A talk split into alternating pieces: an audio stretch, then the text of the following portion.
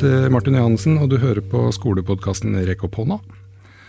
Elevmedvirkning betyr å ha reell innflytelse ifølge overordna del av læreplanen, men har elevene egentlig det?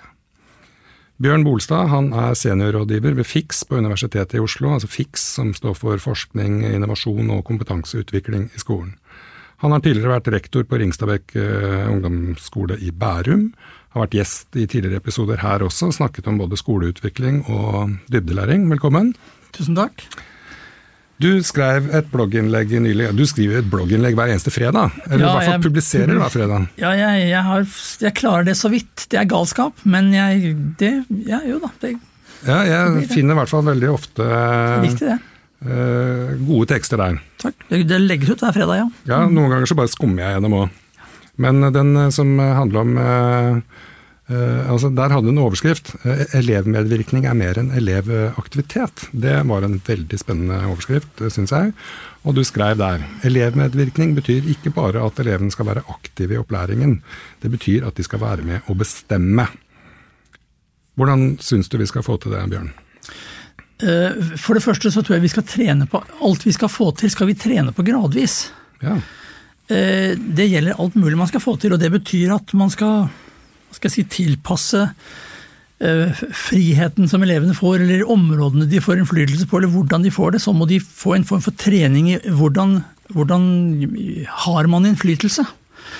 Um, Eh, og det betyr at eh, Så det, det, skjer ganske mye av dette, tror jeg, i, i undervisningen. Altså et eksempel er jo lærere som, som, gir elever et arbeid eller en oppgave, og så sier de her kan dere velge tre varianter. F.eks. kan du velge om du skal presentere dette som en foredrag eller en film eller skrive en tekst. Eller her er det tre ulike eh, kategorier eller emner innenfor. Du skal fordype deg i et pattedyr, velg selv hvilket pattedyr. Altså det er jo en form for, en form for elevmedvirkning eller innflytelse. Den er ganske liten. Mm. og så kan man jo stille noen krav til at uh, du skal velge slik og sånn, men du må oppfylle to kriterier, f.eks. Eller du må, du må, sørge for at du har sikra dette og dette. Og så, så kan man gå opp til mm, bl.a. Eh, en av de lærerne vi har frikjøpt i Fiks, med Ann Michaelsen, som mange kjenner. Hun har jo jobba som engelsklærer, bl.a. på første videregående, hvor de har engelsk, og har vært ganske vant til at elevene selv har lest kompetansemålene og kan måtte gjøre seg noen valg eller velge noen fordypningsarbeider hvor de selv skal ha en formening om hvilke kompetansemål dekker dette. Mm. Og Så kan hun sammen med eleven etterpå snakke om hva med de andre kompetansemålene som du ikke har dekka i dette arbeidet, hvordan skal du vise kompetanse innenfor det området. Men de, de er 16-17 år, da begynner de å kunne ta noen, ha trent på å kunne få noen innflytelser og gjøre noen valg. da. Ja, Ungdomstrinnet da, og barnetrinnet? Har du noen tilsvarende eksempler? Ja, altså, det, Jeg har erfaring sjøl fra, fra Ringstadvek skole, hvor man jobber ofte tematisk. Og, og det er klart, tradisjonen fra Altså Prosjektarbeidsmetoden er på en måte utskjelt, og, og, og mange måtte kasta ut av skolen. Det fungerte ganske dårlig den gangen man gjorde det, men, men noen av elementene som var at vi, vi, har trukket opp en tematikk, og innenfor den tematikken så kan man fordype seg i noe. Og at elevene kan få være med og foreslå hvilke kategorier skal vi kunne velge mellom, eller man skal kunne gruppevis individuelt velge at vi vil fordype oss i det, vi fordyper oss i det, og det kan jo gjelde både innhold og metode og presentasjonsform. og og, og mm. ja. Og vurderingen? Ja, altså, Det var egentlig Marte Blikstad Ballas som, som, gjorde meg oppmerksom på dette. her, fordi den, Jeg siterer én setning i overordnet del, mm. hvor det står at elevene skal ha eh, eh, De skal erfare at de blir lyttet til i skoleoverdagen, at de har reell innflytelse og at de kan påvirke det som angår dem. Og, mm. og mitt, min påstand er at eh, det er i og for seg kanskje viktig for elevene om det er sjokolademelk i kantina, eller om de skal ha eh, juleball i gymsalen, eller hvor de skal ha slalåmdagen og sånn. For det er liksom litt sånn som ofte kanskje elever bestemmer. Men det som virkelig angår dem, det er hva de skal bruke det aller meste av tiden sin på skolen på, og det er i skoletida, altså. Og det, hvis man skal, skal ta dette på alvor, så, så, så mener jeg at man må si at de skal ha reell innflytelse, kunne påvirke også vurderingen og også hva de skal jobbe med. Mm. Og da må man også trene på dette. Man kan ikke si til elever i fjerde klasse at eh, velg selv hva du skal lære på skolen, og sett din egen karakter. Det er jo parodisk. Ja. Men elever må være med, f.eks. Har jeg sjøl som norsklærer og musikklærer vært og snakka med elevene når vi skal vurdere et arbeid som summativt. Hva er kvaliteter, hva skal være kjennetegn på dette her? Hva er en god tekst innenfor denne, denne sant, sjangeren? Og Det kan elever være med på, og så kan man snakke med elevene. Hva er viktigst? Hvordan skal, skal Når jeg skal, som lærer skal gjøre vurderinger, eller vi skal vurdere hverandres arbeider, hva legger vi vekt på da? Altså, det er en, en form for fagkompetanse som de øker, og det er en måte å, at de kan være med å på en måte bestemme. Mm. Nemlig. Men det er jo også noen sånn litt uh, ulike begreper som du, du, bruker også i den uh, blogginnlegget ditt, uh, ditt, men også sånn begreper som blir brukt litt sånn om hverandre ellers også, som alle handler om eleven. Da. Det er elevaktivitet, elevmedvirkning og elevidentitet. Ja. Hva, ta de to første først. Da. Hva er liksom forskjellen på elevaktivitet og elevmedvirkning? Ehm, jeg, eh, eller For å starte i en annen ende, så er dette sånne begreper som, som kommer inn i skolen nå gjennom særlig første kapittel i overordnet del. og det betyr at Skolen er nødt til å forholde seg til det. Man har et ideal om at eleven skal være nysgjerrig og undersøkende, altså aktiv. Og da har vi i FIX, der vi jobber også ut mot skoler og, skoleeiere, som det heter, så har vi prøvd å finne ut hva, hva, er dette egentlig, og hva er det for forskningen, altså hva snakker utdanningsforskere om? Og elevaktivitet kan jo i og for seg være mange forhold. Jeg har selv tenkt at eh, det kan iallfall være fire kategorier. Mm. Altså Man kan snakke om en sånn fysisk eller grovmotorisk aktivitet. ikke sant? Du kan, du kan, spille gitar, du kan danse i skolegården, og du kan løpe og du kan gå mens du skal løse matematikkstykker og sånt, noe. gå rundt skolen. Og så er det en form for sånn sensomotorisk aktivitet som er viktig i disse iPad og digitale tider. fordi et blad, hvis du kjenner på skjermen, så kjennes det helt glatt ut. Mm. Men det er jo virkelig ikke det. Man må liksom ut og kjenne på virkeligheten med fingrene. Eh, for øvrig den første måten vi blir kjent med verden på. Det er barna mm. som stikker verden inn i munnen. Ja, ikke sant. Eh, og det er ikke for at det, det er for en måte å bli kjent med det på. Mm. Og den tredje er jo, er jo, en sånn kognitiv aktivitet. da. Og det er jo vanskeligst å måle, fordi at når elever sitter stille og, og kverner på et vanskelig problem, så er de faktisk aktive. Men de sitter stille på rumpa. Og så er det en, en, en hva skal jeg si, en sosiokulturell eller en sosial aktivitet. Man lærer av å snakke sammen du, du, i samtalen. Eh, det er en viktig arena for læring. Mm. Så det er idealet om det stille matteklasserom hvor det er helt stille hele timen og alle sitter og jobber, det er en ganske begrensa elevaktivitet. Man bør, elever bør snakke sammen også. for det er også en, Så det, det er fire måter å tenke om elevaktivitet på. Men elevmedvirkning er jo på mange måter litt mer sånn retta mot demokrati eller, med, eller, eller, medinnflytelse. Elever kan være ganske aktive uten at de egentlig bestemmer noen ting. altså. Mm, hvis, de bare, jo, hvis du som gymlærer sier at nå skal du løpe åtte ganger rundt skolen mm. på så og så lang tid, det er jo elevaktivitet, men de har jo ikke bestemt noen ting. Nei. Eh, mens hvis du sier at du kan velge hvilken vei du løper, så er det et li, bitte lite element av elevaktivitet. ikke sant? Og så, og så, trekker man fort inn elevaktivitet i sånne demokratiske elevrådssammenhenger. Mm. Ikke sant? Vi skal ha valg til representasjon, de skal være med å bestemme noe og sitte i SU. Og da er det fort de kanskje kan bestemme eh, hva skal vi selge i kantina, eller, eh, eller eh, hvilke, hvilke, klasser skal ha hvilke områder av skolegården i, mm. i, i, midttimen.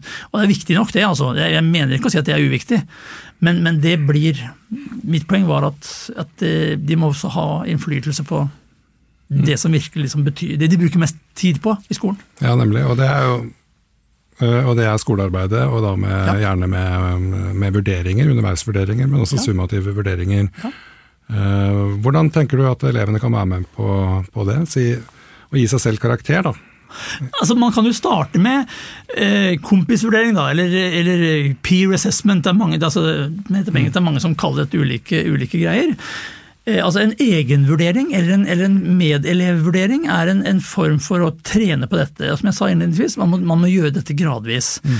Men det at elever kan bli vant til å kunne gi respons til medelever som sier noe mer enn at du snakket høyt og tydelig, eller dette var veldig fint skrevet, mm. som er hyggelig, men litt uspesifikt, så kan de få en hjelp til å begynne å trenge ned i kvalitetene. Hva er det faktisk man skal gi respons på? Og, og, det har man en del forskning som på en måte sier at dette er en, en kraftfull vurdering. Eh, at de kanskje systematisk skal gjøre egenvurderinger. Mange mm. skoler gjør det etter en periode eller etter et halvt år. eller Hva som helst. Hva har du fått til, hvorfor har du gjort dette her? Eller mange gjør det til hver enkelt time også. Mm. Og som ikke bare handler om har du skjønt det læreren fortalte, men som også kanskje er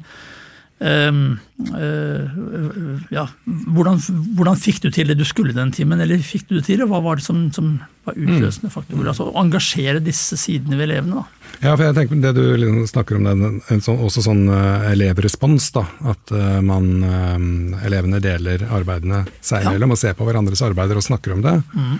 Det har jeg sett på, eller opplevd som er veldig verdifullt, men også ganske vanskelig for ja. ganske mange. Ja, og det er vanskelig for mange lærere også.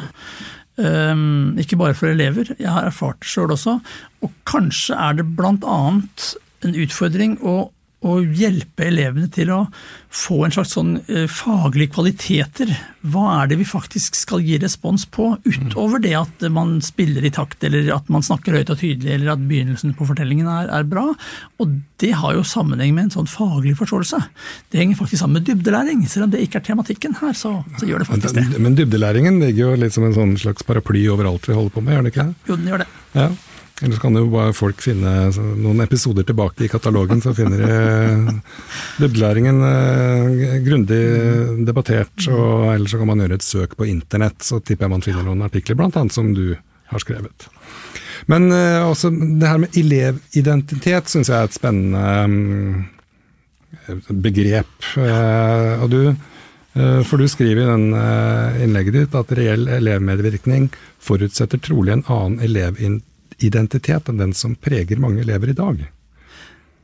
Ja, eh, og altså Bakgrunnen for det er jo noe av det morsomme der jeg jobber i FIX, hvor, hvor vi møter praktikere, altså folk som meg med skolebakgrunn, med forskere, og så begynner vi å kverne på begrepene. og det er noe som, som Når jeg kommer med, med, når man kommer overordnet til og sier elevaktivitet, vi må ha aktive elever, så kan enkelte av forskerne, bl.a. min leder i FIX, Øystein Gilli, som sier at du, hva er dette egentlig Er det ikke egentlig snakk om elevidentiteten? Hva er det forskningen på en måte kan si noe om?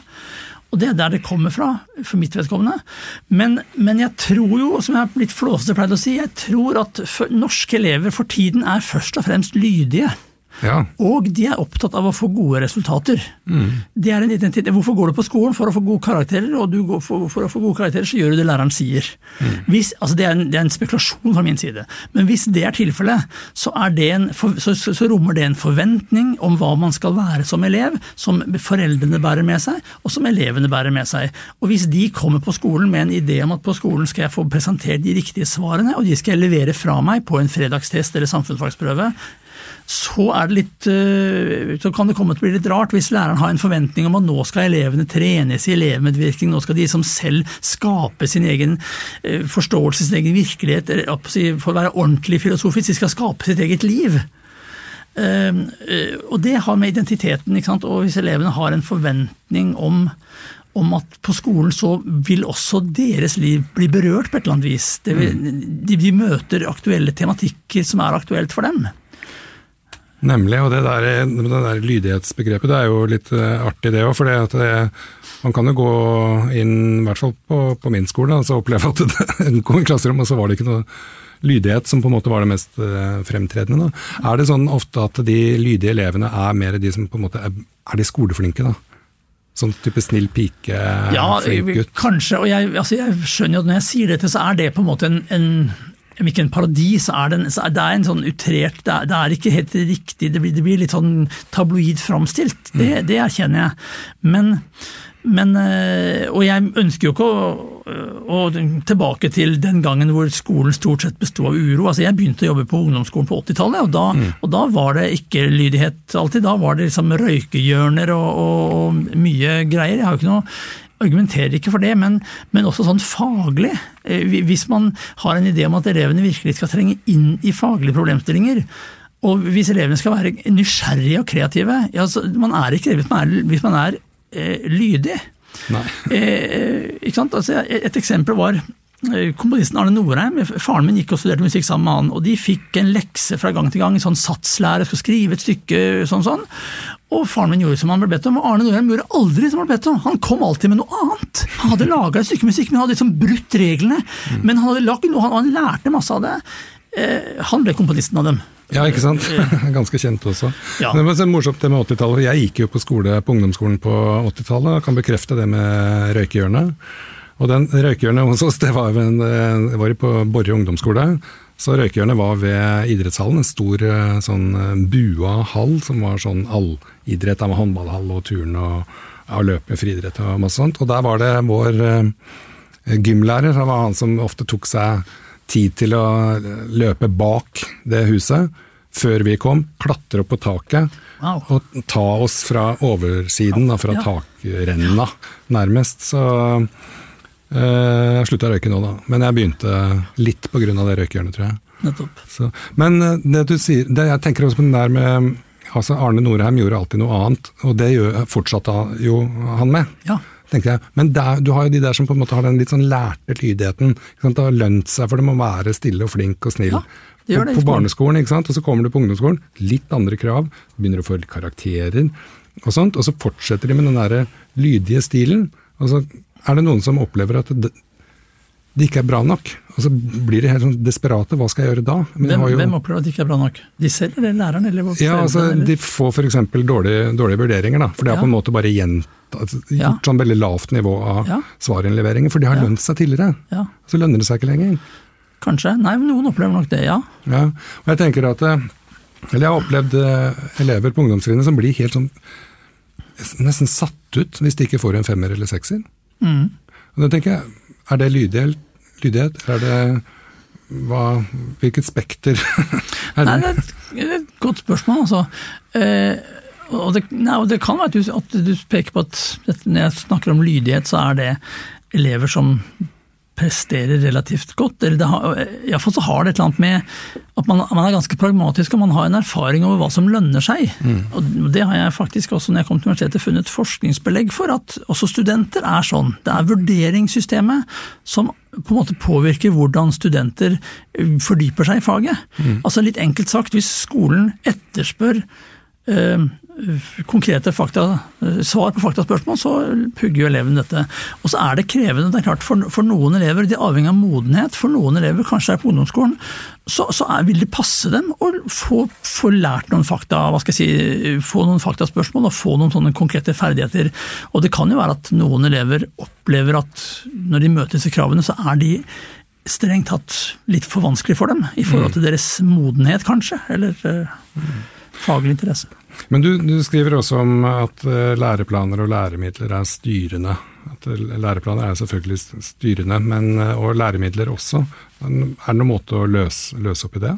det? Eller hvordan henger dette sammen? Ja, det, er, altså, det med læreplaner det er, det er virkelig en egen, en egen område, et eget studium. Hvordan, hvordan, de er styrende og på hvilken måte, og hvor inngripende de er. Jeg syns jo rent personlig at at eh, jeg er ikke så sikker på at man skal tenke at den nye læreplanen skal implementeres. Jeg tror den skal tolkes eller mm. innføres. Og jeg tror det er det skoler er i gang med. Mm. Eh, og, og Hvis man tenker at en læreplan er ikke ferdig når den sendes ut til skolene, Iallfall ikke sånn som den norske læreplanen er lagt opp. Noen land har veldig sånn instruerende læreplaner. ikke sant? Du kan, og Nesten står står sånne prosedyreinstruksjoner i klasserommet. Fjerde klasse, naturfag, oktober. Ok, her er oppskriften. Um, sånn er det ikke i Norge. og det er klart at det en Læreplanene er det. Eh, det er blant Goodlad, som mange sikkert har lest om tidligere, som hans ulike sånne læreplanforståelser. Eh, og ofte så snakker man jo om læreplanen sånn som den fremstår i dokumentet. Mm.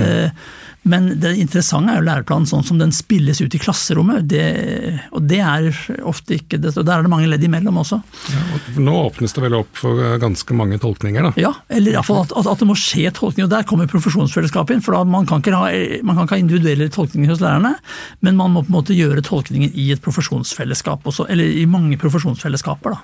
Ja. Og det åpnes absolutt opp for, ja. Ja, og jeg synes Det er også interessant med de læreplanene vi har, at de har kompetansemål. Da. At det ikke er sånn pensumstyrt, men samtidig så kunne jeg ønske meg ja, men Kan ikke bare si hva jeg skal gjøre, da? Må jeg liksom tenke ja, alt sjøl? Det er krevende. Den, jeg tror også at, så, som flere har sagt, at den nye læreplanen er krevende. Den krever høy kompetanse blant lærerne. Jeg, tror kanskje den er mer krevende å jobbe med som læreplan enn hvis man går tilbake til M74 eller M87, som, som hadde sånne innholdsbeskrivelser. ikke sant? Mm. Du skal lese disse og disse verkene av Henrik Ibsen. Ok, Ja. da gjør du det, da. Er enkelt og greit. Nå viser det seg jo at norsklærere bruker Ibsen uansett, så Heldigvis. det trenger man jo ikke å ha i planen engang. Så opplagt er det, liksom. Ja, Men, ja. eh, men bruker det, ja. Men sånn, øh, husker ikke om det var i den artikkelen her eller en annen sted du skrev, eh, kanskje det bare var i en parentes, men det er jo morsomme ting i parenteser òg, at øh, diktatur har vist seg svært effektivt. Jeg jeg kommenterer. Ja, altså det ja, jeg, jeg, jeg har ikke noe forskningsmessig belegg for det, men jeg tror altså, det er noe det man kan si, at altså, diktaturet er skummelt effektivt. Og dessverre, fordi går, de peker ofte i så gale retninger, og så går det, veldig, det går dit i veldig høy fart og veldig effektivt. Altså, man kan jo se på, på Hitler-Tyskland og Sovjetunionen under Stalin i forrige århundre, så øh, jeg har selv vært og besøkt Killing Fields i, i, i mm ved- i nærheten av Phnom Penh, og det er, altså, det er jo skrekkelige eksempler på at ja, diktatur er, eh, er altså, Effektivt. effektivt. Men kunne man gjort det et sånn slags pedagogisk eh, effektivt eh, diktatur? jeg, jeg, jeg tror ikke vi har noe tradisjon for det i Norge, men, men det er jo, jeg mener jo at i den kjennskapen jeg har, så er det det land som har elementer av dette. Eh, når land endrer, altså Læreplaner er jo i mange land en sånn der nasjonal kanon. ikke sant? Eh, og når man, Jeg tror at den tyrkiske læreplanen så tok man ut eh, hendelsen som vi her i Vesten kaller folkemordet mot armenere i var det 1920 eller der omkring. Det skal ikke lenger tyrkiske barn lære om. Det er jo en, det, Om ikke det er diktatur, så er det iallfall en ganske sånn tydelig diktat. Ja, om hva man sånn, skal og ikke skal. Og det er klart at det er jo en eh, I mitt hode så er det liksom det å peke i en motsatt retning enn enn demokratisk. da. Ja, Demokrati er ganske rotete. Men det er Rotete tar lang tid, Men, ja. ja, men det er undervisning og skole også. Altså. Ja. Det er langt mer rotete enn enn jeg tror en god del både politikere og kanskje også både lærere og skoleledere tenker. Det, det er, jeg tror ikke det er så lineært som, som det ser ut til i planene. Det er skrekkelig rotete. Og dessuten, det tar jo 13 år, òg, Så det er jo Det tar mye lengre tid enn 13 år dessuten. Ja. det, det, det merker du og jeg på vår alder. Vi, vi, vi driver egentlig fortsatt og blir klokere, eller iallfall lærer ting. Ja, i hvert fall lærerting. Men så er det jo han der, det er en sånn såkalt president borti eh, et land mm. over eh, Atlanterhavet, han skal begynne med sånne patriotiske læreplaner, har jeg hørt. ja. Og det er jo Tenker du det er fint? Nei. Nei, det- bra. Men, men, men, men, men samtidig så altså, man snakker om læreplan. Et element i, i læreplanen, særlig i noen fag, sånn som liksom historie norsk, det er jo den der nasjonale, altså nasjonsbyggingen, den nasjonale kanon. Jeg syns jo også det er et poeng at alle nordmenn kjenner til Henrik Ibsen og har hatt en liten sånn opplevelse av av et stykke av Ibsen. Eh, ikke sant? Og at man, at man kjenner til hovedtrekk i norsk historie og europeisk historie. eh, for all det. Så det er jo en sånn, en sånn balanse her mellom det sånn si, sentralt bestemte og det åpne. Og det er jo dette med elevmedvirkning også.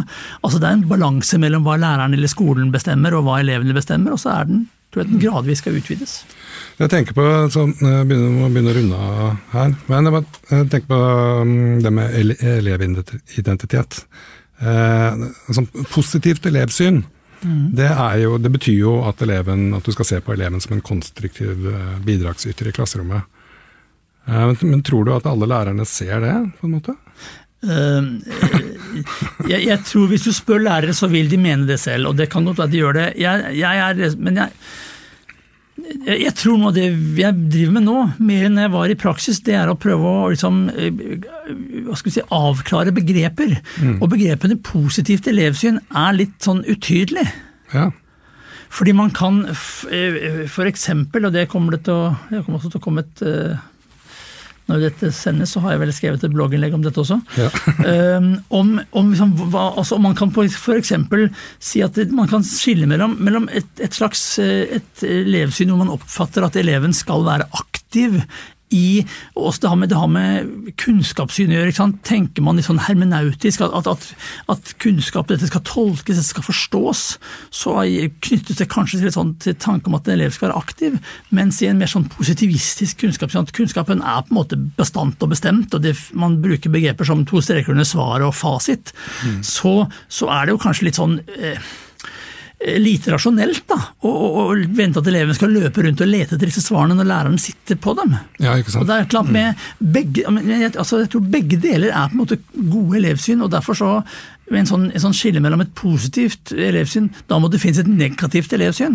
Jeg vet ikke helt hva det er, eller vil si, jeg, jeg vet hva det er, men jeg, men jeg, er ganske sikker på at det er det ingen lærere i Norge som, som, som bærer på. Men når man skiller mellom om man ser på eleven, akt, altså eleven som en aktivt skapende med, medlærerne, mm. eller om man ser på eleven som, som noe som skal hva skal jeg si, formes eller som skal fylles med forståelse eller informasjon, det er kanskje to ulike elevsyn. Og jeg tror at lærere har begge deler og skal veksle mellom de to. Litt avhengig av hvilke fag man har. Altså. Syns jeg hørtes veldig klokt ut. Tusen takk eh, for at du tok deg tid, Bjørn Bolstad. Slo an prat om elevaktivitet, elevmedvirkning og ikke minst elevidentitet. Takk for at jeg fikk komme. Og takk for at du hørte på Rekk opp hånda. Husk å holde avstand, kjør kollektivt eh, hvis du kan. Husk munnbind, eller gå på jobben. Eh, vask hendene, bruk antibac, pass på kohorten din. Vi er straks tilbake med en ny episode.